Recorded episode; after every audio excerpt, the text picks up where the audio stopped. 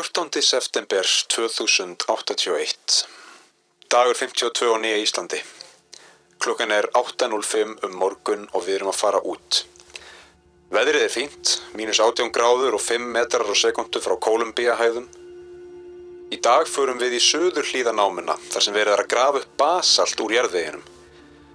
Þá að fjarlæga perklórat úr jarðveginum til að gera hann lífmænleiri Ég sé samt ekki hvernig nokkuð grænt ætti að vaksa hérna í þessu rauða reiklendi. Ég er hins vegar farin að vennist vatninu. Það er ákveði bragð sem fylgir öfugu himnuflæði. Vatnið verður beiskara en íslenska vatnið, en það er vel hægt að drekka það. Í morgun sá ég fallega sólaruppbrás. Sólinn hér kemur upp, böðuð í bláu ljósi. Það minnir mann eiginlega á bláa heiminin heima. En þá spyr maður sig hvar sé heima? Verði ekki bara venjast því að nú bý ég á Mars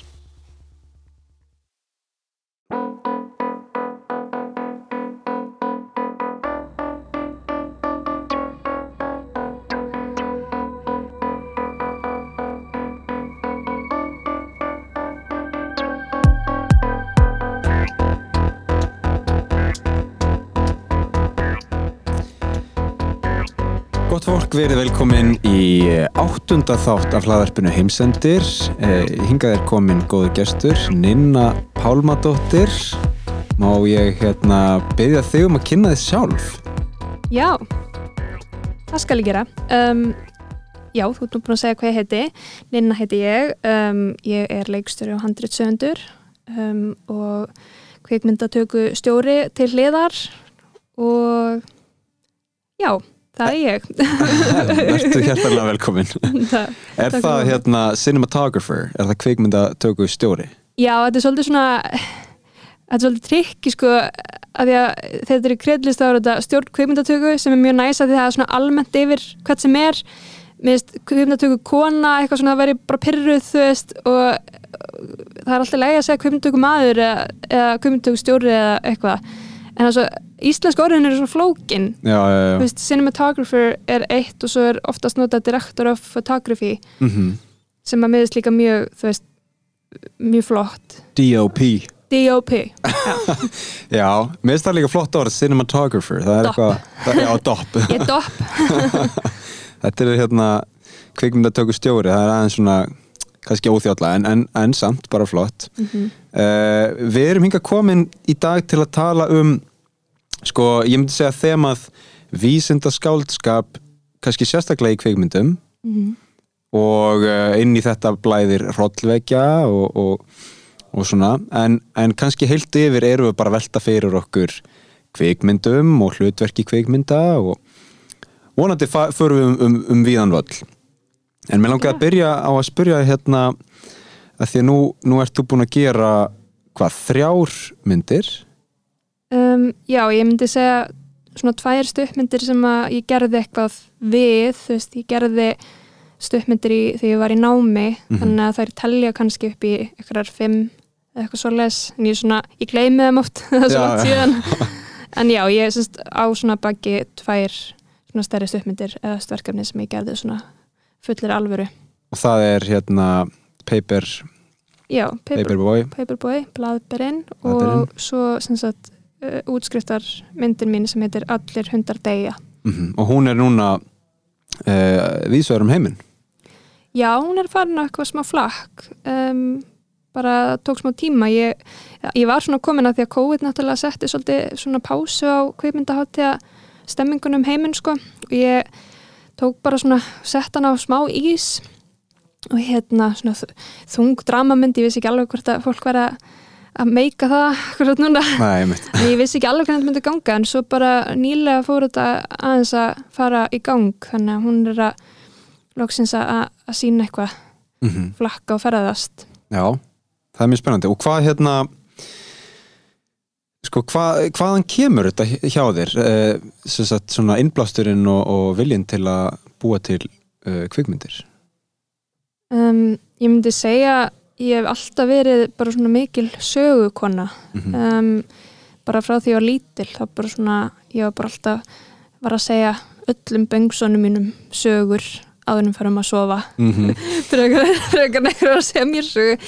Hérna og bara mikið ímyndunarafl og, og það bara hjælt einhvern veginn alltaf áfram.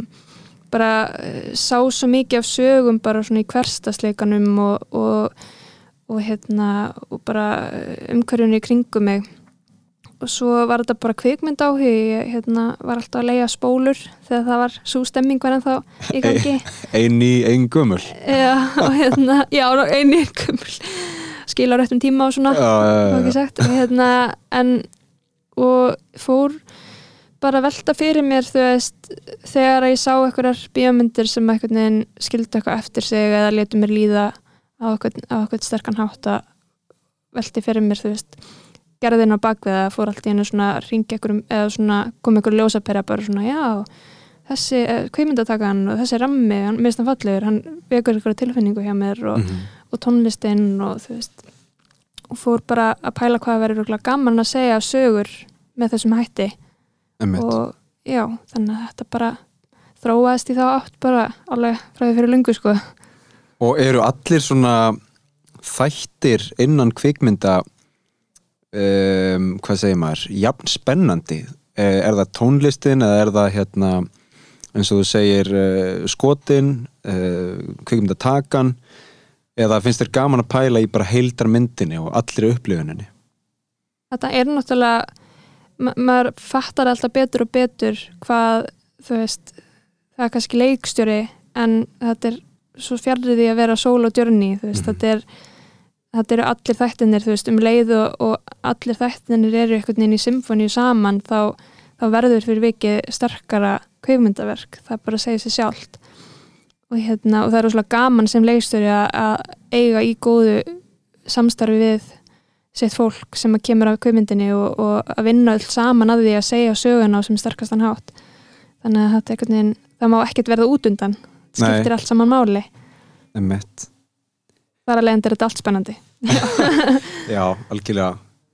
Er, Nú kem ég náttúrulega hérna úr uh, leik, leiklistar heiminum eða allavega leiklistar skólanum eða listaháskólanum Mhm. sviðslistum þar. Um, þar, þar svona hafa kannski bestu upplifanirnar eh, bestu minningarnar skapast í kringum eitthvað ferli þar sem sko hópurinn næra tengjast vel og mynda svona svolítið góða stemningu áður en farið er á staði í eitthvað ferli mm -hmm. um, ertu með eitthvað aðferðafræði í kringum að byggja upp svona samvinnu og, og, og, og, stemmingu og teimisanda áður en farið er inn í ferlið að búa til bíómynd um, Ég held náttúrulega það skiptir bara, þegar maður er að setja í krú fyrir kveikmyndir, veist þá þarf alveg að hafa í huga bara ákveðna dýnamík, veist, að vinna með fólki sem þú treystir og, og virkilega brennur fyrir sögunni og verkefninu. Ég held að það, það er rosalega áþreifanlegt ef að eitthvað linkur er ekki á sömu blaðsíu eða, eða brennur ekki fyrir þessu. Og, og þetta, veginn, þetta hefur alltaf að gera bara með tröst og, og samskipti. Og ég held að í undirbúningsferli er eiginlega allra mikilvægast áður en að fara í tökur að, að fólk sé svolítið samstilt og eh, alla, allar rattir fá einhvern veginn að njóta sín í undirbúningsferlinu. Og ég held að ef við vinnum með góða fólki þá er það svolítið erfitt að og fólki sem finnst gaman í, í vinninu og gaman að gera bíó þá er alveg erfitt að, að finnast það leðilegt sko er kannski flesti, flesti vera kannski bara cranky að vanta kaffi og kallt út eða eitthvað en, en það er líka bara svona þjást, þjást saman stemming sko. Einmitt, einmitt. langir dagar upp á jökli eitthvað hannig Já, það býr samt til eitthvað svo góða minningar oft, bara eitthvað svona mannstu að við vorum að þjást í 14 tíma upp á, upp á jökli. Ykkur er ruggli Já, og hérna en já, ég held að um, það sé eiginlega alltaf bara uh, ef að myndast einhver, einhver leiðindar dúr, þá er það yfirleitt bara samskiptaleysi, sko. Mm og hérna, maður reynir bara að fórast það með því að góða samskipti. Mm. Ertu með eitthvað dæmi um svona minningu sem stendur upp úr? Þú, einmitt eitthvað svona upp jö- upp á jökli í einhverju, einhverju, einhverjum hérna einhverjum blind bil saman? Já, já, ég var endar í tökum sko í hérna Into the Glacier sem er svona jöklagöng Mhm. inn í, er það ekki langjökull? Jú, jú, jú, Já, einmitt, inn í já, langjökli og það var svolítið smá svona innilokunar ég, man ég var sko spurð þá, þá er ég sko dopp þá er ég djópin þá er ég doppin já. og þá svona var ég eitthvað spurð þú ert ekki minnulokun að kenda það og ég eitthvað nei, nei, þá er ég með smá innulokun að kenda sko. en maður verður bara maður verður bara að harka af sér og bara till you make it Já, hann að hérna en jú, það var svolítið hella að vera í göngum og sjá ekki sko heiminin í marga, marga, marga klukkutíma. Um, en svo ég bara fullt af einhverjum minningum líka bara í skólanum úti. Við vorum náttúrulega í þessum mörgum stuppmyndum vorum alltaf að krúa saman bekkurinn. Það er alveg, ég get alveg skrifa lítið, lítið rétt sko af sögum. Það var, en það er New York University Tisch. Já, Já, já, þessar. Geggjað. Good times. Hvað hérna, áttu þér svona uppáhalds um, stefnu innan kvikmynda genre um, einhvers konar flokk sem þú heldur upp á? Um, ég, um, ég er búin að vera að velta svo mikið fyrir mér að því að mér finnst eitthvað svo spennandi pæling að vera ekki bundin einhverju sannra að, að því að þegar upp í staði þá er þetta alltaf sögur af fólki eða yfirlegt af fólki og sambundum og, og, og svona uh, það er yfirlegt hjartað í flestum verkefnum og ég held að það sé svolítið skemmtilegt að, að bara svona já ég er með þessu sögu, hvað ef hún væri í þessum heimi sem að þú myndir kalla sci-fi? Eða að þetta sé hryllingsmynd en, en að sko þema og hjartað er í rauninu bara þessi saga og geta einhvern veginn sagt sögur í mismunandi heimum. Mm -hmm. mér finnst það mjög spennandi og það eru yfirleitt sjanramyndirnar sem að ég fíla mest eru sci-fi myndir sem að í grunninn eru bara þú veist eins og interstellar, þú veist, þetta er bara saga, hjartað er svolítið bara samband föður og dóttur, þú veist. Og það bara gerist í þessum heimi. Og hérna að sjá einhvern veginn mannin og, og sambund mannsins, þú veist, í, í svona klikkuðum aðstæðum er bara rosalega áhugavert að horfa á. Þannig að ég, en, ég get ekki valið mér eitthvað uppáhald af því að, að því að mér langar að prófa allt. Já, en mér finnst það áhugavert hérna að pæli því mitt sko, hvort að sko e, hvort að handritsöfundar og, og leikstjórar, þú veist, byrja með hörru, ég ætla að gera sögu um hérna samband e, feðgina. Eða, hörru, ég ég ætla að gera sögu um hérna heimsendi, þú veist. Já, það er náttúrulega bara allir háttur á því. Já, já, já, það er bara rosalega mismunandi hvernig fólk vinnur og líka hvaðan hugmyndin að koma. Þú veist, hugmyndin að geta komið út frá einhverju þema, það geta komið út frá uh, fólki og manneskjum það geta komið út frá atökum, uh, Mhm. sögunni. Þú veist, það er rosalega mismunandi hva, hvar svona um, að- hvaðan þetta sprettur alveg allra fyrst mm er hérna oft, oft er maður nú spurður og, og spyr um, sko, þegar þú byrjar að skrifa niður hugmynd eða þegar þú ert með eitthvað hugmynd í kollinum sem byrjar kannski bara eins og eitthvað svona liftu pitch bara eitthvað Mm. svona mjög lítið mm. ertu, þú veist, með endi í huga eða e, einhvern veginn finnur út úr því gegnum ferlið eða er, er allur gangur á því kannski? Já, það hefur verið mismunandi hjá mér sko, að því ég náttúrulega hef mest unni með stuppmyndaformið þá hefur, svona, hefur þetta ofta skert hjá mér að þetta byrjar á okkur mómenti. Það er eitthvað móment sem að kannski er það byggt á okkur sönnu eða eitthvað sem að ég þekki að séð eitthvað móment sem að mér magnað og, og reyfir við mér og svo einhvern veginn byrjar það bara svona manifestast og bara, svona, bara breyðast um eins og einhver vírus eða góður vírus sko.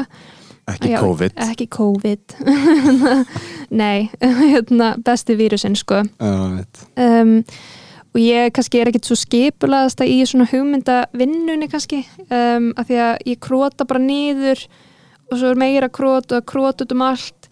Og svo er þetta bara oft hann að ég bara svona finna ég þarf að vinna eitthvað til enda þegar ég er alltaf að fara helring tilbaka og þú veist, ég kannski legg hana frá mér þú veist, og svo bætist við og ég kem aftur og fyrir aftur tilbaka og aftur tilbaka og þá allt einu bara svona, já ok þetta er að verða eitthvað sem ég greinilega verða að koma frá mér. Mhm. það er svona, þetta er eitthvað svona eitthvað, eh, eitthvað hvað er íslenska orðið yfir intuition, þetta er eitthvað svona Eitthvað Svona eðli, eð, eðlislegt eða í innsæginu já, svona insight, já, Já. það er eitthvað að segja mér bara, já, þú verður að koma þessu. Mm út, já.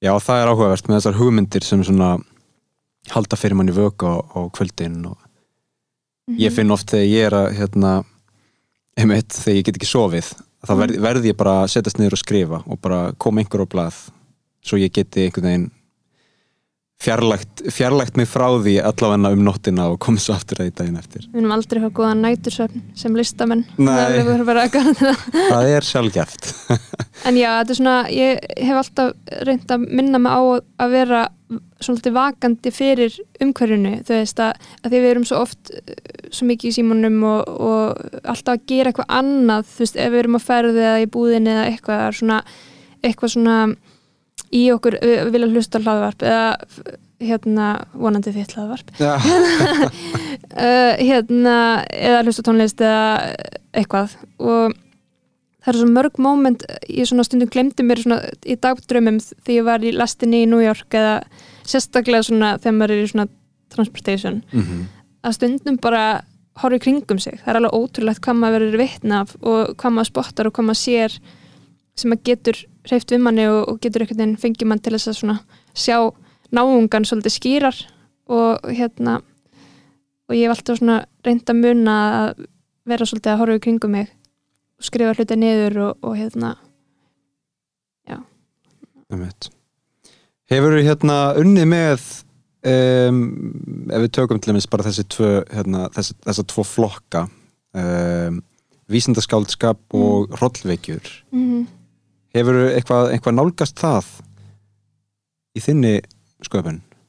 um, ekki ennþá. Ég, ég er alveg svolítið veik fyrir sko science fiction, mér finnst það svolítið áhugavert og það er bara því að mér finnst það svo oft snúast um þetta, þessa spurningu hvað er að vera manneska það er alveg bara svona mjög stört þema í science fiction sögunni, kveimindasögunni sérstaklega þannig að mér finnst það bara almennt bara mjög áhugavert að, að setja mannin í þú veist, eitthvað svona skrítin futuristic heim og vera samt bara að díla við bara, bara breyska manneskjuna þú veist.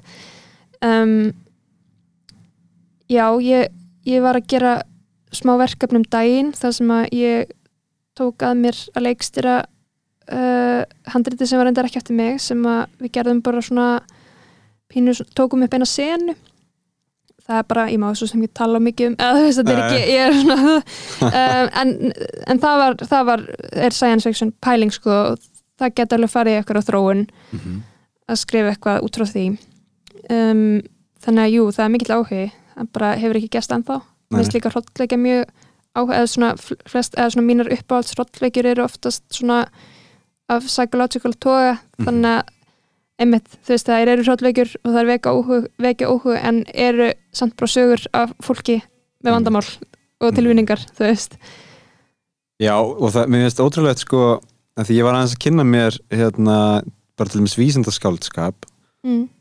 sem kannski byrjar svona einhverju leitu upp frá uh, innbyltingunni en verður svo ekkert svona uh, milli tannan á fólki fyrir en kannski um, miðja 20. öld uh, myndum maður kannski gíska á Mm. um, en þa það byrjaði ekki sem eitthvað svona mjög virt uh, virtur flokkur innan sagnahefðarinnar um, þú veist, það var svona kannski meira eitthvað jaðardót uh, sem fólk tók ekki of alvarlega bara svona fantasía, fantasía í raun en svo, svo finnst manni eins og á síðustu ára tögum, tögum hafi hérna vísindaskaldskapurinn heldur betur sanna sig sem mögulega eitthvað meira en bara afþreying og eitthvað pælingar.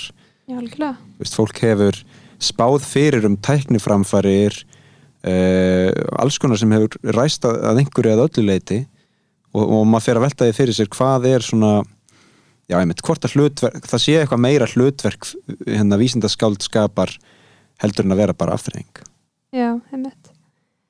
Um, Ég held að vísindaskaldskapur bara svona opni líka bara huga fólks fyrir það sem við veitum ekki þú Mhm. veist, um bara líf út í gemnum og, og, og alls konar þannig, þú veist, sem að, bara svona eh, já, þessi svona trú bara svona hlýtur að vera eitthvað eitthvað stærri en við, þú veist og hérna og já, það er náttúrulega mjög fyndið, þú veist, ef maður getur ímyndað sér að hafa að segja kannski einhverja einhverja myndum, einhverja einhverja framtíð og svo allt unni fer maður að sjá bara byrju, ok, þetta er bara að gerast eða, þú veist, fattur hvað ég menna Já, algjörlega. Ég tók hérna tvö dæmi, skrifaði niður hérna, Aldous Huxley eh, sem skrifaði, eða gerði Brave New World spáði fyrir um not þunglindis livja árið 1932 þau koma síðan fram 20 árum setna. já, Svo er hérna Arthur C. Clarke uh, sem skrifaði 2001 Space Odyssey. Talaði um not á litlum meðfærilegum skjá fyrir lestur frétta árið 1968 síðan kemur iPadin út 2012 heldur þess að það sé ekki bara þessir, þessir eh, hérna, þetta fólk sem er að þróa hjá, hjá þessum tæknirisum, þeir eru örugglega bara að grafa og grúska í bara gömlum, gömlum hérna spám og bara já, þetta getur verið svolítið flott. Já, já, definitely sko. núna getum við gert þetta. Apple headstöðunar í, í hérna, Palo Alto örgla bara að fá okkur eitthvað hugmyndir. Alltaf með á hérna, 50 kvöldum sci-fi night sko. Það sem allir saman saman og... Akkurat. ég meina ég myndi halda það að hérna, einhverju leiti allan því að það er mjög mikil munur á því sko. Þetta er bara ímyndunaraflið þú veist, þegar þessar sögur skrifaðar, þá er þetta bara ímynda sér eitthvað, eitthvað skrítið? Algjörlega. Og, svo bara erum við komin þann stað að hérna, þetta skrýna er bara algjörlega dúaból og fólk fær frelsi til þess að ímynda sér þetta innan vísindaskaldskapar Já. að, eh, sko ef við, ef við byrjum það saman við vísindin mm. til, til dæmis að hérna þau eru svona öðrum reglum háð öðrum ramma háð í, í, í flestum vísindagreinum þú veist, vísindarlega aðferðin yeah. þannig að það er svona kannski minna frelsi, minna rými til að vera fabulera út í þegar óöndarlega yeah. en, en listafólk getur, getur leikið sér alveg fram og tilbaka og skemmtileg blanda af svona kreatív hausum og, og vísinda hausum þú veist Mhm. sem að koma þarna saman því Algjörlega. já, og ég held að það hafi verið ákveðin svona skil í sögu vísindaskaldskapar þú veist, á einhverjum tímampati þá bara hættir þetta að vera bara fólk að hérna, flippa yfir nýri tækni já, og byrjar einmitt að, að veist, ekki bara hugsa um hérna, fljúandi bíla heldur hvernig áhrif það myndi hafa á mannkynnið og fólkið og veist, manneskuna mm hvað þessi tækni gerir við okkar svona innra líf. Já, vá. Það er alveg allt annað þáttur sko. Alltaf, já, algjörlega. Það er bara, þú veist og þá er þá maður líka kannski byrjar að geta tengt þetta saman sko, í svona súper einfaldri mynd þá er kannski munur en einhverju leiti á vísindaskáldskap annars vegar og hrollveikjum hins vegar. Að vísindaskáldskapur leitar svolítið svona áfram og út. Mm og meðan hrollveikjur eru svona kannski einhverju leiti inn á við þú veist, hvað myndum við gera hvað hérna, ótti, okkar við óvissuna. Algjörlega sem eru þú veist fylgir í þú veist óvissan getur bæði verið mjög spennandi og líka mjög skeri mm þannig að það er svolítið spila á það. Einmitt. það helst svolítið hendur. Þannig að er ekkert, kemur ekkert óvart að, að sé bara ákveðið sub-genre sem er þú veist bara sci-fi horror eða já, já, já, og sci-fi fantasy og hérna, vantar bara sci-fi romance. Sci-fi romance. Sci-fi romantic comedy. Já, já, emmitt, emmitt, það má segja það hör er náttúrulega hérna, blanda uh, mikið inn á við, þú veist að skoða bara hvernig uh, tæknin hefur áhrif á tilfinningalíf algjörlega og, og gerfi grind og framtíðin og allt það, Mhm. en svo eru bara með einhvern gæja sem er bara hérna, að díla við alls konar shit, skilur Já, en það, veist, það er svo áhugavert að sjá að því við erum öll að díla við eitthvað þú veist, Mm. það er bara, það er þetta að segja endalþessu sögur að fólki að díla við sitt, en það er bara svo áhugavert að sjá það í þessum búningi Mhm. Það er bara svona ma maður ma sér það bara eitthvað svo eitthvað svo skýrar einhvern veginn, ég veit ekki alveg hvernig ég útskýra það. Bara svona já.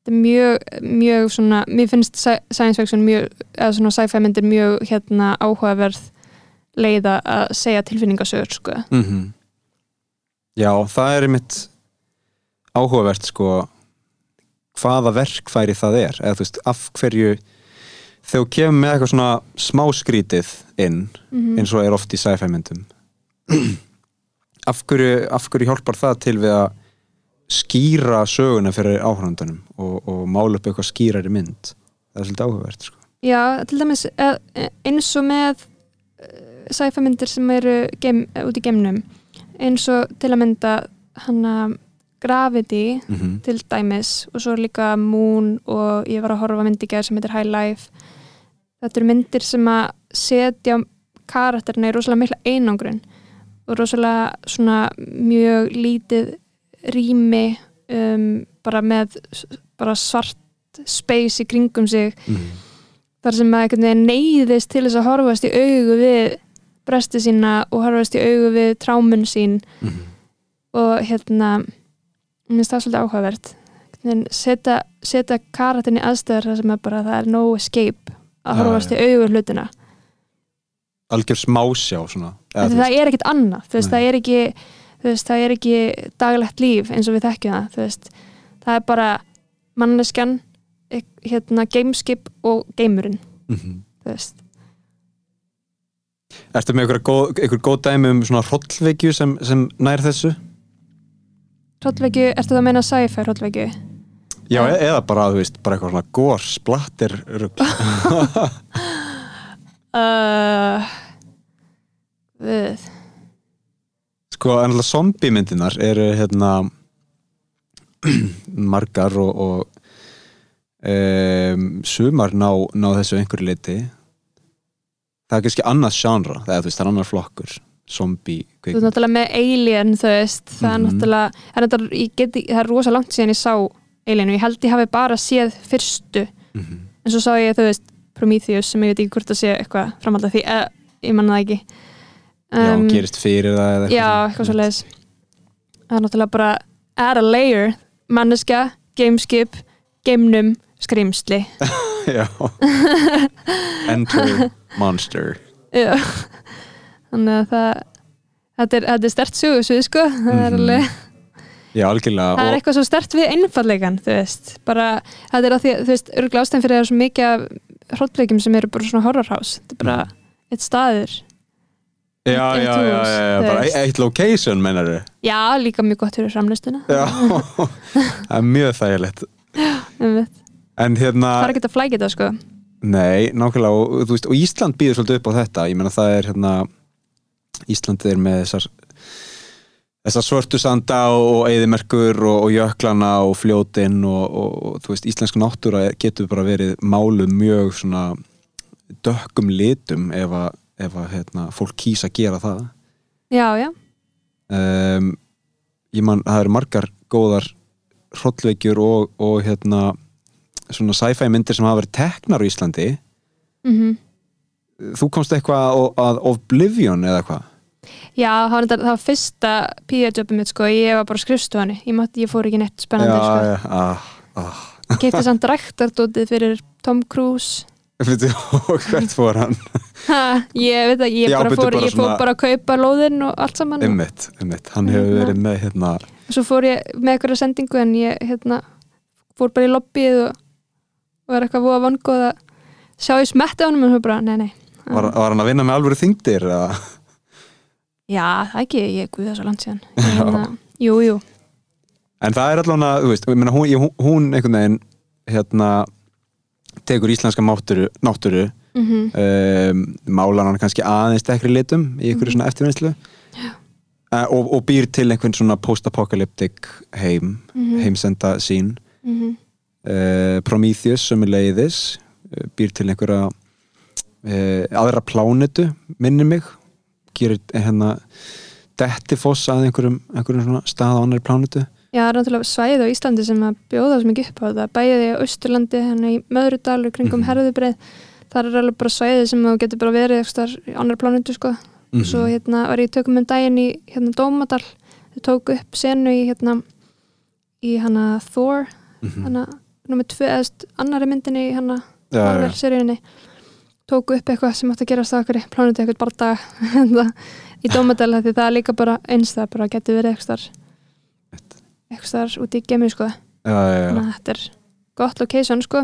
Já, gott að búa hér fyrir það. Já, einmitt. en, en já, það vantar svolítið þú veist, einmitt íslenska kveimdagerð Já, er það ekki? Jú, sem er að fara út í þessa sálma sko. Og líka hrollveikur það er svo mikið, sko, það er svo mikið eigið í bílum út um allt, Já, já, já. Svona það er að taka bara low budget mynd bara, bara kameru og eitthvað fólk og bara fara út í eitthvað, eitthvað eigið bíl út í raskati og svo hvað gerist. Gefið að sko handriti sér gott og þá er það eins og þú ert að segja veist að þetta sé í grunninn bara góð saga Já, einmitt, sett í einhvern hrollveki búning. Já, einmitt, einmitt.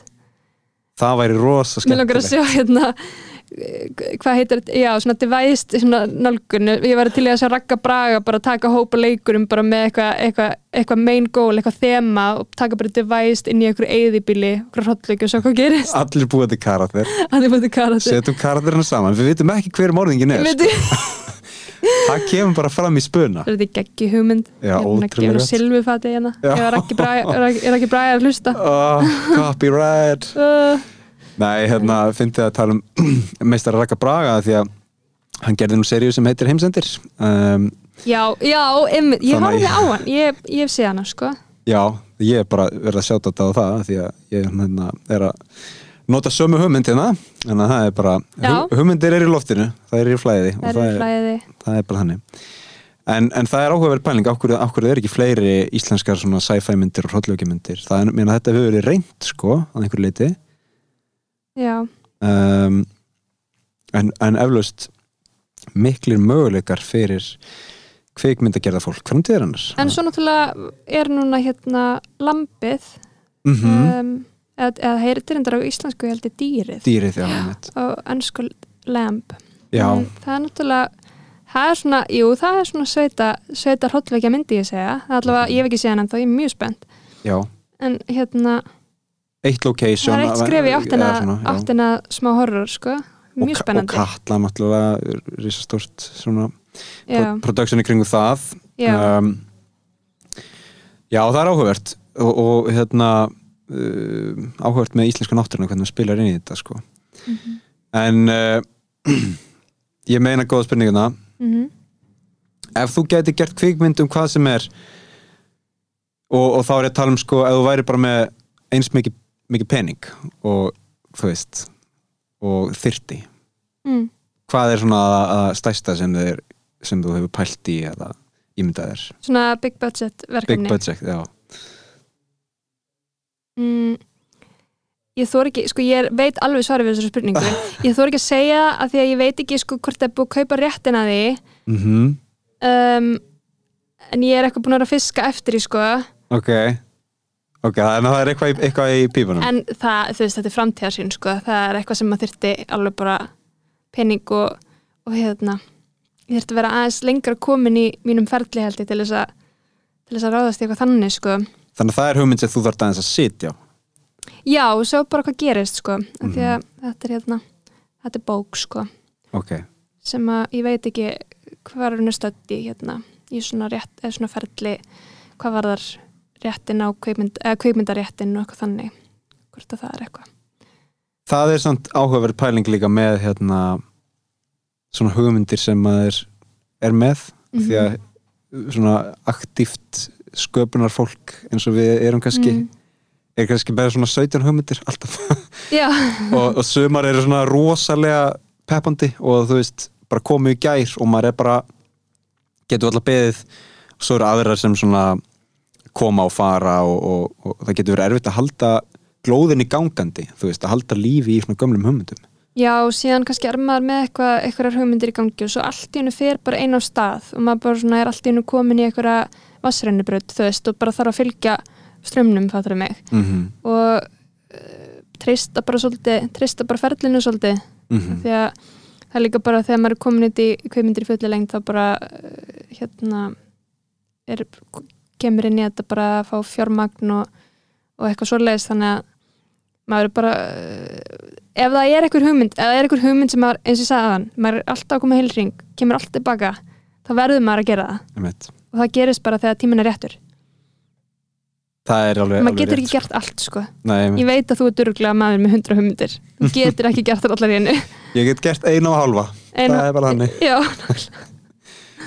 hérna verða bara að býða já, já en hérna um, ef við, ef við tökum sko heimsenda pælinguna mm það er svona einhvers konar undir flokkur um, sem getur fallið undir hrollveiki, getur fallið undir sci-fi getur kannski verið standalone. -hmm. hefur hefur pælt eitthvað í, í sko heimsenda myndum eða heimsenda sviðsmyndum áttuður uppáhalds heimsendi upp á seimsendi sko ég, sko ég er alltaf búin að hugsa að þið er alltaf verið að tala um að bara hérna á jörðinni að ef að allar bíflugur jörðarnar fara eða allir maurar eða allt þetta fyrst þá bara erum við búin að vera sko. Þá bara fyrir allt í kaos. En ef að sko allt mannkynni myndi þurkast út þá er jörðinni svo betur sett. Já, um, ég hef alltaf svona hugsað um það þú veist sko það er svona upp á heimsendinu minn fyrir jörðina sko. Já, ég er ekki að segja, ég myndi ekki vilja kannski að gerist núna nei, en hérna, ég er alltaf pínu í fílu við okkur mannkynnið já, að vera hérna á þessar plánutu einmitt. Um, hérna kannski eftir svona hu- 150 ár nei, ok, það er kannski, fullt svart sinn ég opnaði mjög stóra spurning um, sko já en svo já, á semtsendir um, ég er endur alltaf verið veik fyrir svona zombie apocalypse, minnst það bara svolítið skemmtileg pæling sko, það eru Mhm. allir búin að pæla í þú veist bara hvað er myndi gera. Eða kemur zombie apocalypse bara hvert myndi ég fara. Einmitt. hvernig myndi ég, þú veist væri ég hugrakatýpan eða myndi ég vera ógislega bara svona skinnsum já, já, og hérna um, þannig að já, kannski, kannski svona zombie apocalypse finnst mér skemmtileg pæling. Í Reykjavík. Eða nú ertu með einhverja tengingu við Vopnafjörð? Zombie apocalypse í vopna fyrir þig eða Akureyri, ég er náttúrulega Akureyri. úrst upp Akureyri sko. já, hérna hefur eitt, það var var gera zombie mynd, var, var eitthvað mynd sem kom út uh, það var kannski ekki nei hvað hétt áttur, hún kom í fyrra, hétti fyrra. Sem var svona svolítið, svolítið crazy sanramynd um, Íslensk framleiðsla. já, byrju maður sjá, ég, hérna, ég man ekki alveg eftir en það get, býtu, jú, ertu ekki að tala um leikópurinn X. Já, já, já, hérna Þorsti, já, hvað ég sá hann ekki, sko, hvað nei, var ég, það? ég hef ekki séð hana en ég held að það hafi verið eitthvað svona eitthvað zombie tengt, sko. Já, einmitt. Um, maður það kannski kíkja hana. Það, ég meina eins og við vorum að tala um með, með íslenska náttúru, þú veist, þetta sögusvið er rosalega gott fyrir þetta, myndi ég halda. Já, um, og, og líka eins og við rættum hérna í Zombie Apocalypse þættinum já, þeir verða vonandi fleiri hvað maður myndi gera, hvert maður myndi fara er það hálendið? Er, er, er þið hálendis þjóðgarðurinn að einhverju svona hálendis varnargarði og allt Ísland myndi búa þar einhvern veginn uh, byggja svona kínamúr í kringum hálendis drífa svo út í þjóðgarðin Vestmanni eða eitthvað? Já, já, Vestmanni er nákvæmlega. Já, fara bara það er hérna 360.000 manns á Vestmanni fyrir utan kannski einhverja sem myndi hérna, verða veirun að bráð. Nei það er áhugavert sko. En ég, þú veist, í heildina litið þá pæli ég alltaf í heimsendum e, ú- út frá tímaramanum, þú veist. Er þetta loftsteinn sem er bara takki og búið? Mm, eða er þetta þú veist, hundrað ára heimsendir? Það er náttúrulega aldrei hægt að aldrei hægt að vita að það fyrir víst það er Nei. bróið sem við verðum öll að lifa með. En svona við erum náttúrulega að horfa upp á heimsendi sko bara live heimsendi þú veist, núna. Einmitt. með bara hvert hérna, hvernig við erum að eyðilegja heimilið okkar sko. Mm og það er í rauninni verið að fjalla um heimsendi í fréttunum okkur um einasta degi. Bara árið þetta verður hittin árið þetta og jöklan er að bráðna og bla bla bla, þú veist, við erum að fá bara heimsendi í æð bara alla daga. En fólk er ekki að láta eins og þessi heimsendir. Nei, það ætti í rauninni allir, það ætti í rauninni allir þú veist, sem eru, hafa eitthvað að segja að vera alveg bara svona gargand út á götu bara í paniki, bara bara stöðum heimsendi, Mhm. þú veist. En það er þessi hægi heimsendir sem að kannski mun taka einhvern tíma en það samt gerir hann ekkert að minni heimsendi. Nei mitt það er kannski 300-400 ára heimsendir og já, eða þú veist, örgulega og það er svolítið áhugavert að, þú veist, eins og vorum að nefna þann, þú veist, interstellar, þú veist, það náttúrulega er þarna, þú veist, í, sem sagt í þeirri mynd, þá er- erum við að sjá jörðina að bara vinna með bara mjög lítið af, af lífi, þú Mhm. veist, eftir og verið að reyna að koma í veg fyrir það. Þú veist, ég sá þessa mynd nýlega aftur þú veist, ég hafði séð hann á þér og ég var bara, kemur ekkert að þetta bara þetta er bara, er það sem býður okkar, skilur við einmitt matar hérna byrðirnar einhvern veginn. Já, bara, þú veist, það eru bara smörg svæði sem að verða sko, get ekki hýst fólk lengur eða er ekki, hérna, einmitt. En já. Það er ekki jafn spennandi svona, ef þú veist það er, þetta er svona, svolítið þetta niðurdrefandi er heimsendir. niðurdreifandi heimsendir sko. Já, zombie apocalypse er miklu meira spennandi. Það er miklu meira spennandi, sko en á móti kemur eins og ég hef sagt áður í svona þætti að það er náttúrulega verður mjög uh, fljótt óspennandi þegar þú ert bara actually bitin af zombie og átt klukktíma eftir eða eitthvað. Það er alveg alveg fakt uh, ég er með aðra pælingu varandi sko vísindaskáldskap uh, hvort sem það er í veist bókmyndum, kvikmyndum eða á sviði, í leikhúsi. Finnst þér, hefur pælt í því sko hefur pælt í hlutverki vísinda í vísindaskáldskap. Hversu nákvæmt um, eða, hversu nákvæmt hversu mikið maður á að nota vísindi til að byggja upp sögu? Eða er allt í lagi að sveigja frá vísindarlegum staðrendum til að uh, búa til svona aðeins litrikari heim kannski? Ég held að það sé svolítið erfitt að komast hjá því að nota ímyndunarafleið og, og að því að þetta er náttúrulega vísinda skáldskapur, þú Mhm. veist, og náttúrulega áhugavert að sjá það sem við vorum að tala um áðan með að margt sem hefur verið svona spáð fyrir um var síðan bara í rauninni að veruleika og það er áhugaverð, áhugaverð vingill en ég held að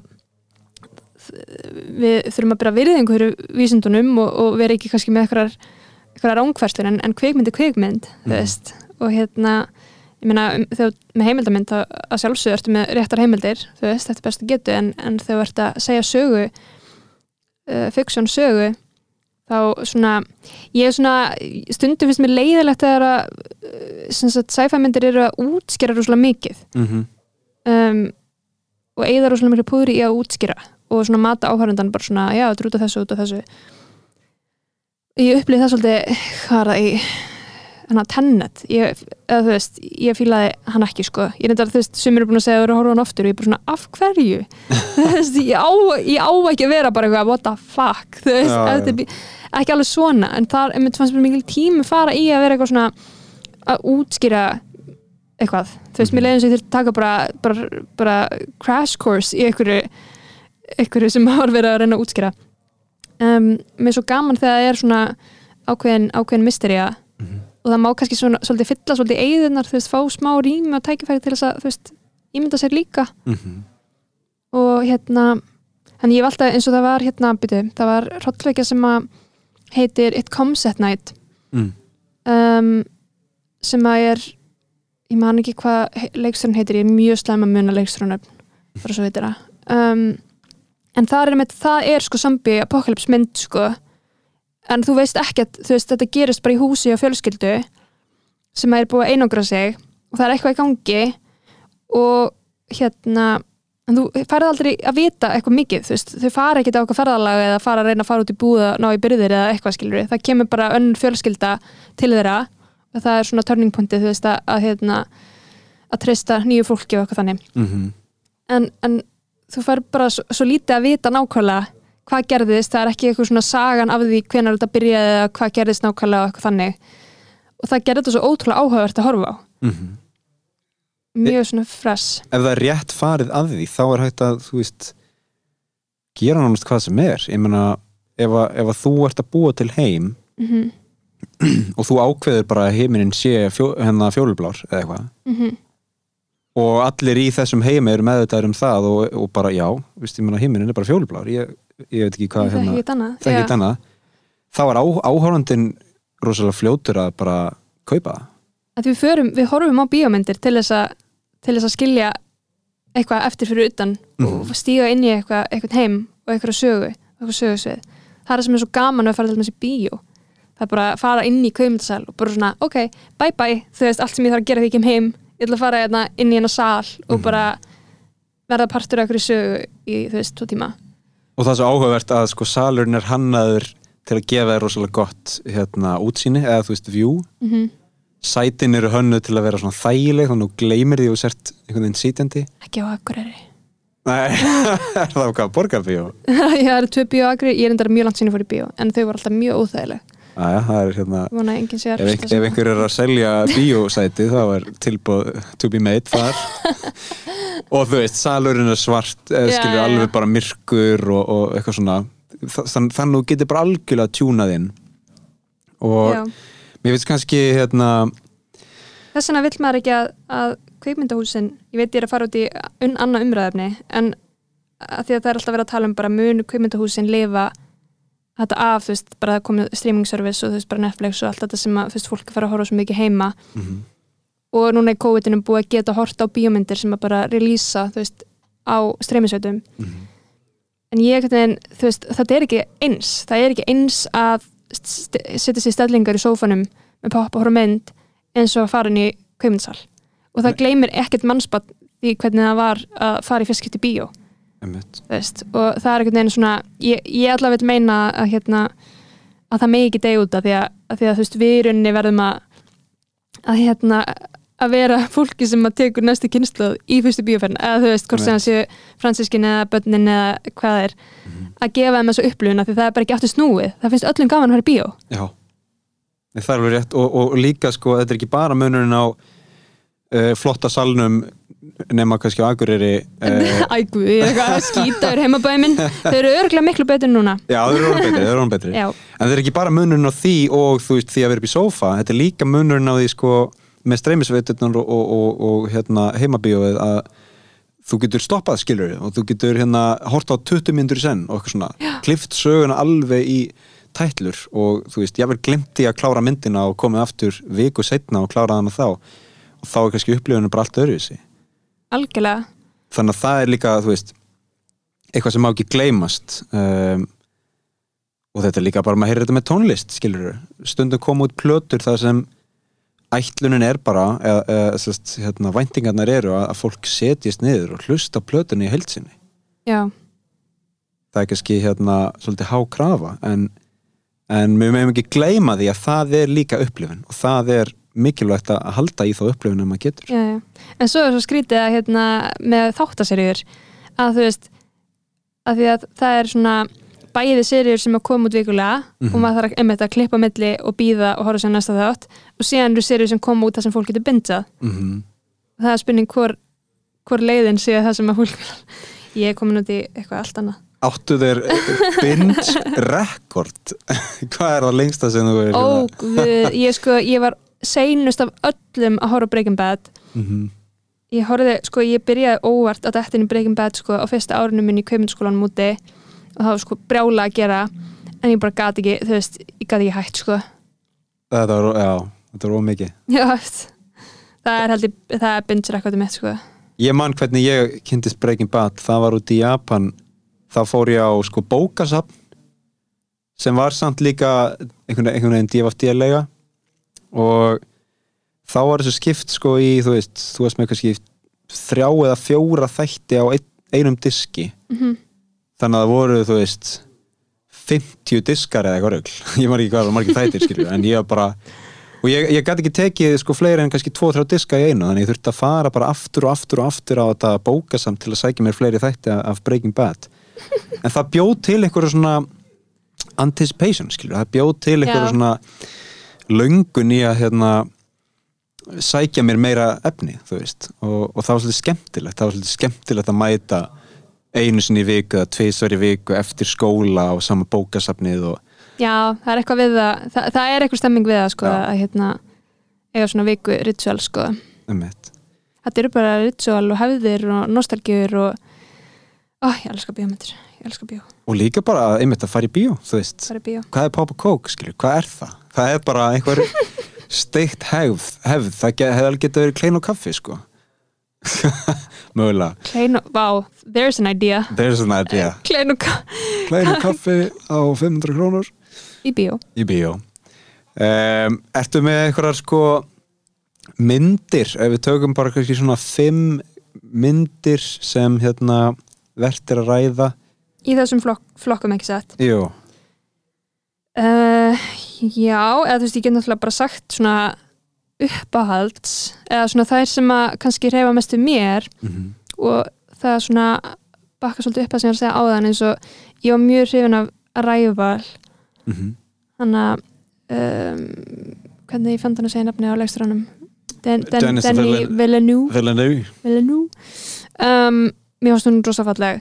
En það var einmitt það sama sko. Við erum með þennan, þennan heim þennan framtíðar heim mm um, og en í, í kjarnan og hjartaði er þetta bara saga móður og dóttur eða þú veist það er það sem að við erum alltaf að leiða uh, leiða okkur að. Um, já, Interstellar er miklu uppáhaldi. Ég líka bara, ég held að sé bara eitt uppáhalds bara kveikmynd að skori mitt hann, sem er skori Interstellar. Ég bara, geta ekki sko ég, ég fæ bara það má alveg sko bara blasta í mér hérna hvað heitir það? Heimnu, hérna, Þannig að hljóðheimur hljóðheimlunar sko ég myndi. Um, svo já, hún er svolítið áhugaverð myndi sem ég horfði í gær. Er gaman að nefna eitthvað svona nýja. Mhm. eða hún kom fyrir tveim árum held ég. Þetta er High Life eftir Claire Denis sem er franska leiksturi mm, Robert Pattinson leikur aðalutverki í henni og sko ég er svona, ég er svona torn að því að ég vissi voða lítið um hana. Og það minnst rosa gaman að fara inn í svona myndir ekki vitandi um mikið. Mhm. en til þess að vera skemmtilegur viðmælandi þá ætla ég að segja hans Já, það er sem sagt, þetta er, þetta er sem sagt hérna, einhver framtíðasín þar sem að er búið að senda sem sagt uh, fanga sem eru á svona death row eða með lífstíðar hérna dóm. Mhm. Búið að senda í svona svona recycling mission eða þú veist þeir eru sendir í geimfari til að vera í rauninni bara svona uh, hérna í vinnu fyrir ríkið að, sem sagt, að koma ákveðnum gögnum frá annari sem sagt, uh, öðru sólkerfi og eru bara að fara í, veist, bara í rauninni í, þú veist, lífstíðardómin sinn bara út í geim mm. og gameskip er svona recycling gameskip, það er gróðurhústar og, og það er allt svona endurunnið og, og þau fá í rauninni bara lífsvið svona um, fá að halda þessu áfram ef þau eru að vinna vinnuna sína já. Já, einmitt. og já, þetta er bara hópur af, hópur af fengum sem er fara á, en, en sagan er í rauninni bara um hérna, byrjar á Robert Pattinson og hann er með unga barn sem það dóttu sína, þau eru bara tvö eftir Mhm. það er byrjun á myndinni, ég er ekkert að já, já. um, en já, það var mjög áhugaverð mynd um, að því hún er með útskýr ekki of mikið, veist, bara nóg Mhm. sem að fekk mann til að spyrja spurninga og vera áhugaðsamur Og establisherar þessar reglur vel, vænti ég, þú veist bara svona er þetta bara þetta er bara Já, basic, það er bara já. gameskip Já. og áhörundin kaupir það já, algjörlega um, Hvað er svona frétta með hann hérna, Pattinson Pattinson velin sko um, byrjar í hérna Twilight, ég ætla ekki að segja geta droppa einhverjum sleggjudómum á, á þá, þá serju en, en hérna heldur betur hefur hann sko endur uppgötast í einhverju svona já, já, áhugaverðum myndum Good Life og, og fleiri góðar þetta er bara ótrúlega frábær leikur þau eru í rauninni bæði búin að gera hún hérna og Kristinn Stewart Kristinn já. Stewart var Já. sko að frumsýna hún leik Dínu prinsessu í, í mynd sem var að frumsýna á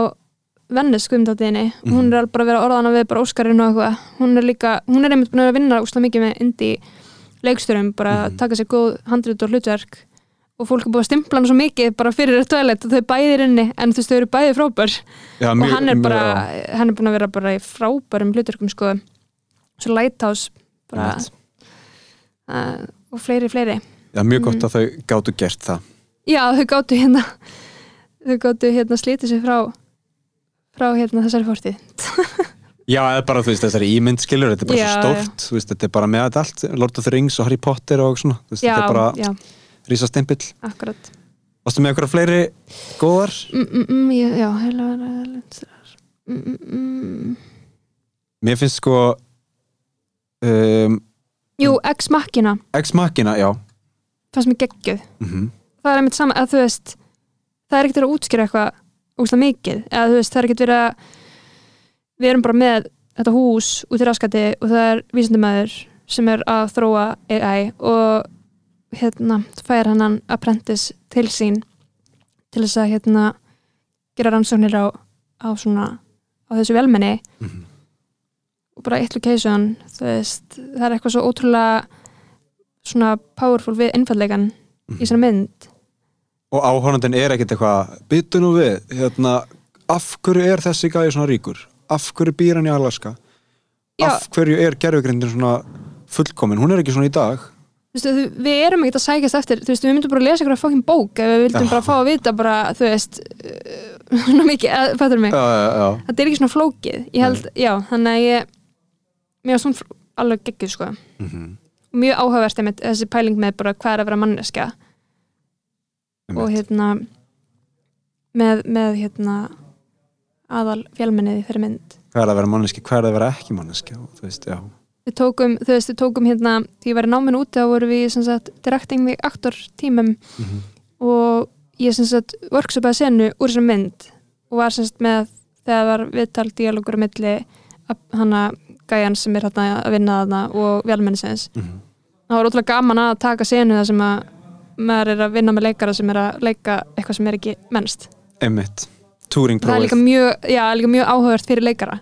Já, já, já, já, algjörlega algjörlega, og þú veist, þá fer maður veltaði fyrir sig hvað hérna, þú vilt ekki einhvern veginn sko stereotypisera þetta, skilur þú veist vera eitthvað mjög velrætt eða Nei. robotískur, þú veist, það er bara ekki þannig. Það er bara ekki pælingin.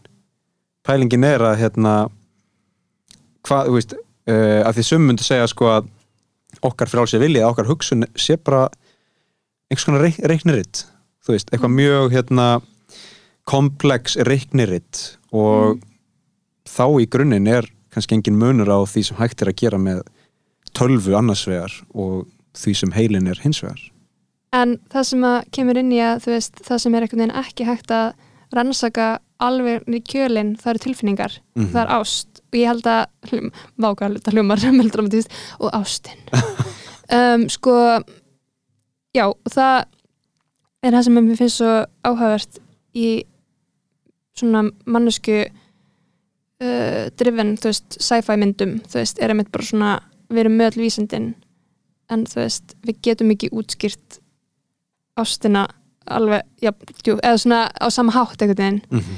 og það er einmitt það sem er veginn bara svona uh, stennast tíma og space og allt, eða þú veist. Það eru tilfinningar. Og þá kemur að þessu aftur að þú veist, svo getur verið eitthvað vísmyndamæður að vera bara eitthvað, nei það er ránt við getum útskýrt hérna að við erum með tölvuna til að gera þetta. Við getum gert þetta. Nei, ég meina þá kemur að því, þú veist, að þú ert með vísindarlega aðferð sem, sem hendar rosalega vel fyrir uh, ákveðinar vangaveltur og, og spurningar. mm, Vísindin geta svarað alls konar spurningum bara mjög konkrétt. mm, Þetta er bara svarið. Punktur. En á, á hérna, hinumöndanum ertu með svona erfiðari uh, hugtök og, og svona, já, minna ástinn og tilfinningar eins og þú segir. Og þá gæti verið að, að hérna, listin og mögulega vísindaskaldskapur gæti verið svona gott tól til að rannsaka þetta. já, Það er kannski það sem við erum búin að vera að ræða. jú sannlega Ég hérna skrifaði henni líka þrent sko um, sem er svolítið svona já, einhver einföldun líka á, á þessum vísindaskaldskap og hlutverki þess uh, þessar, hérna, þeirrar listar. Það er að segja, ef þú ert með eitthvað svona grunnpælingar, eitthvað svona elevator pitch, þú veist, mm hvað ef pælingar? -hmm. uh, og það er að gera heila mynd út frá þannig pælingum. Mm til dæmis, hvað ef börn myndu hætta að fæðast í heiminum. -hmm. og þá ertu bara að koma með myndina Children of Men.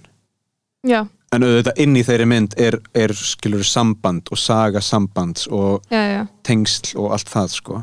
Akkurat. Konflikt og, og uh, annað dæmi þarf sumt fólk að þjást svo að aðrir geti lifað í velistingum er þetta zero sum game eða geta allir lifað jafnt? Mhm. Þá ertu komið, komið að myndina Snowpiercer. Já, ég horfði á hann um daginn fyrst skiti já, hvernig það er hann? bara gaman aðeins sko. Já. Mikið, mikið, mikið rúsi banni og ótrúlega uppmáluð uppsprengt, þú veist, Já. bara svona ú, alveg hérna mikið að taka inn. Mikið að taka inn sko og hellari leikstíl og eitthvað svona. Uh, og náttúrulega Hunger Games er líka náttúrulega er náttúrulega byggt bók en já, það er líka einmitt pæling með Brazil District og einmitt, það sama sko mjög svipað mm -hmm. og þriða dæmið er hérna, eða fjórða þá. Hvað ef það væri hægt að eyða minningum? Eternal Sunshine of a Spotless Mind. Um. Mhm. það, þú veist, sem er svona sem er ótrúleg sko vísinda, uh, svona sci-fi mynd. Af því að hún, hún er ekki svona öskrandi sci-fi. Hvað ég geti verið aftur í tíma? Já, já, já, þú veist, það er bara hvað sem er, þú getur, þú getur kasta alls konar pælingum í þetta er örugglega líka gott einmitt svona prompt fyrir hérna fyrir hugmyndafinu að vera Mhm. bara að taka bara session bara hvað ef, hvað ef, bara gera 50 hvað ef? Og bara svona where is my masterpiece?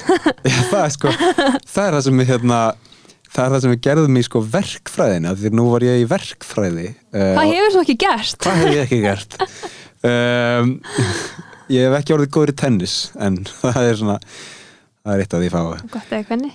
Nei, hérna, þá tókum við bara svona eitthvað svona startup session, skilur hvernig, hérna, hvernig finnum við hugmyndir?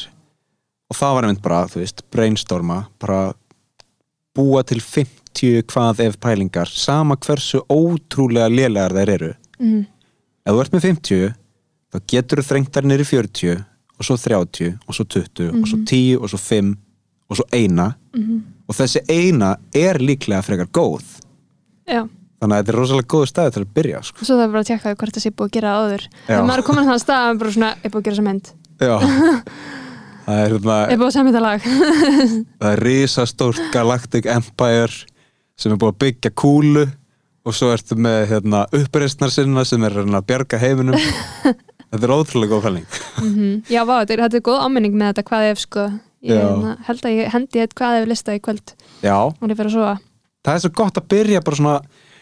eitt hvað ef lista í kvöld Já, og ég fyrir að sofa það svo gott að byrja bara því fleiri slæmar hugmyndir því betra. Bara svona freestyle bara Já. svona já, út- útrás.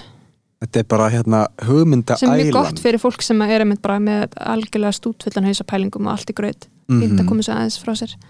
Já, líka bara spyrja spurninga, þú veist, það er hérna, það er nú komið fram einu svona árið þessum þætti að það er, þú veist, það er hérna, það er engar heimskulegar spurningar, þannig séð, það er bara, varpar fram einhverjum pælingum og vangaveltum og, og þannig byrjar að, hérna, taka skrefin í átt að, að einhverju meira konkrétt.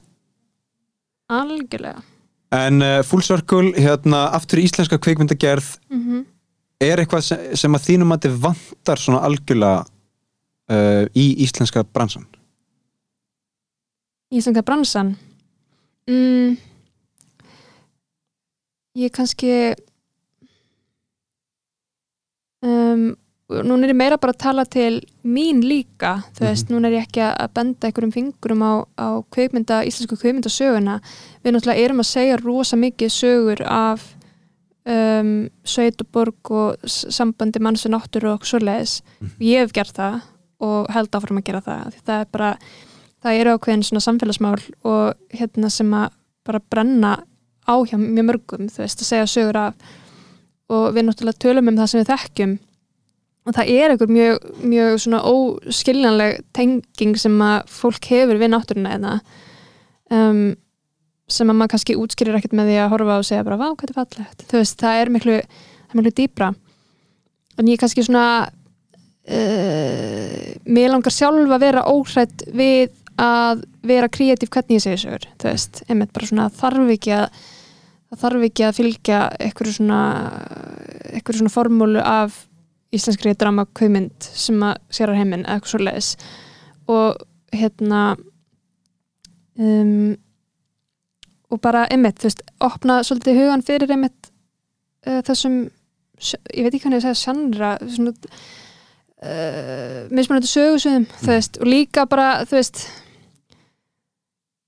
já, bara svona ég er líka bara að býða eftir að, að hérna, þú veist ég kannski get ekki sagt að því ég er ekkit mikill svona Nordic, Norcrime fan til að byrja með Mm -hmm. og það er bara kannski geðveitt þegar maður er þannig fan að fá bara endalust meira og meira af þannig serjum og efna að horfa á en ég svona ég komið svolítið leiða sko. Já, og líka bara, þú veist leifa sér að rannsaka prófa að gera eitthvað allt öðruvísi já, og svo finnst mér gaman líka bara sjá serjur eins og vennilegt fólk þú veist, taka fyrir bara hverstasleikan bara hjá svona, ungu fólki í samfélaginu þú veist, Mhm. og hérna ótrúlega ferskir og skemmtilega þettir Mhm. um, já, bara svona mér langar bara að sjá þetta allt þú veist, Já. að sjá bara svona að fólk sé bara óhrætt við að, að bara gera eitthvað ótrúlega ferskt og nýtt og, og hérna gera hróttveikjur eða gera science fiction myndir og hérna já, er, hérna, er þetta eitthvað sem þú rættir út í New York við, þú veist, aðra nefnendur fólki þar eitthvað svona hvernig, er- hvernig, hvernig hérna, kveikmyndasagan hefur verið á Íslandi versus, þú veist innblásturinn sem er í stórborginni New York? Um, mér fannst kannski bara áhugavert að það er svolítið áhugavert fyrir eitthvað sem að hefur alveg upp á Íslandi að koma og búa í borg eins og New York. Um, þetta er náttúrulega bara gæti ekki verið ólíkara þú veist að alveg upp á Akureyri og búa síðan í stórborg eins og New York. Um, en ég kannski mm, nei, ég kannski var ekki eitthvað að ræða þannig. Ég bara svona, það er náttúrulega líka sko þegar fólk utanfrá sem er ekki hérðan sér myndir frá Íslandi, þú veist, þetta er náttúrulega bara alveg eins og þegar við horfum á, á kveikmyndir sem er frá stöðum sem að við þekkjum mikið mikið og dáumstað eða finnst spennandi þá, það, gef, það gerir eitthvað ekstra þú veist, það er áhugavert að horfa á kveikmyndir í, fyrir aðra sem eru ekki hérðan að horfa á íslenskar kveikmyndir bara áhugavert sögursvið og að Mhm. fólki finnst náttúran svona uh, dularfull og spennandi og falleg þú veist. Þannig að og já, ég kannski ég var kannski alveg ekki áherslu á að segja veist að ég vildi passa fall ekki þá grifju að að einhvern veginn sína íslenska náttúru án ásetnings þú veist. Að það, að því, að því, eins og ég var að segja aðan þú veist, það er svo miklu dýpri tenging sem er þarna. Þú veist, það er bara einhvern veginn, náttúran hefur gefið okkur svo mikið en hún er líka tekið svo mikið. Þú veist, hún er hérna bara frá því bara fyrir langa, langa lungu, þú veist, bara það að lifa af í gegnum veturinn, þú veist, og, og hérna hálendið og, og snjóflóð og þú veist, allt þetta, þetta er, þetta er svo ótrúlega hérna svona blend, blendnar tilfinningar til náttúrunar fyrir, fyrir fólk sem að hefur hérna alls til upp og búið hérna. Og hérna og mér langaði svolítið að passa því ég gerði útskriftamyndina mína sem að er einmitt um mann út í sveit þá veginn vildi ég passa hvernig ég rammaði Ísland inn. Mm -hmm. þú veist, með hvað hætti, þú veist, að ég vissi af hverju, þú veist, hvað er ég að segja? Hvað, hvernig, þú veist, tengingu höfur að fyrir, fyrir hérna karakterin minn. Og að þetta væri rauninni, þú veist, við speglum okkur stundum mikið í, í náttúrunni, einhvern veginn, þú veist, þetta stjórnum skapin okkar, þú veist, Ísland, þú veist, þetta er svo ótrúlega miklar svona hæðir og, og, og hérna, og læðir, þú veist, að við erum þunga okkur þegar kemur lagð, þú veist, hérna, við viljum vera inn í kósi og, og bara svona óurvann þegar það er snjóstormur, þú veist, um, þegar skamdegi kemur þá eru margir sem að er að díla við mikinn skamdegislega þú veist, þegar að sumari kemur og fara allir út og hoppa eins og kálvar þú veist. Og þegar maður horfir inn í þóku þá er maður bara eitthvað, hvað er núti, þú veist, óvissan þú veist, þetta er bara svona, þetta er svo tilfinningatengt.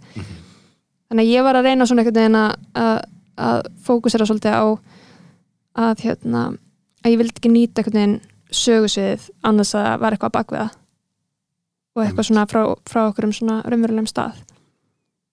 Það svo, ég veit ekki hvort það svara spurningunni það og miklu meira, bara mjög góð pæling sko. uh, finna, finna kvíð á baku þetta, já, the why. Um, Ertu með eitthvað að lokum, eitthvað svona eh, eitthvað svona hérna út í kosmosið, út í Íslands samfélag ráð uh, eitthvað, eitthvað skilaboð eða bara eitthvað skemmtilegt? Það er stórtu spurt eitthvað út í kosmosi mm, ég er að vona að hérna að kvikmynda kennsla á Íslandi fara að dafna. Ég veit ekki hvernig ég veit ekki hvernig staðan er hvort að ég vildi óska þess að það hefur verið kveikmyndakursar því ég verið til dæmis í mentaskóla, jafnvel í grunnskóla. Þetta er svo stór bransi þú veist, þetta er svo stór innar á Íslandi og svo mikið af fólki sem kemur að kveikmyndagerð og alveg eins og þú veist að það er kenn tónlist þú veist, í grunnskólum og, og allt það, þú veist, það finnst mér einhvern veginn með langar svo að kveikmyndagerðin verði svona ríkari bara frá grunnskólaaldri sko. Mhm. og hérna um, já.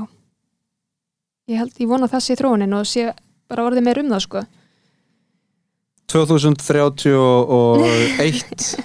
þá er þetta komið að námskrá. Það, já, kannski bara framtíðar sín hva, hvað ef að 2031 verður allir á inni kaupmyndagerð Ú þetta verður bara svona ein yðju land. Já, 90% af hagkerfinu er kvikmyndagerð svo er 10% eitthvað og Baltasar er fórseti Já. Frábær loka orð uh, Nina Pálmadóttir þakkaði keilaði fyrir komuna. Takk fyrir að fá mig heim svo takk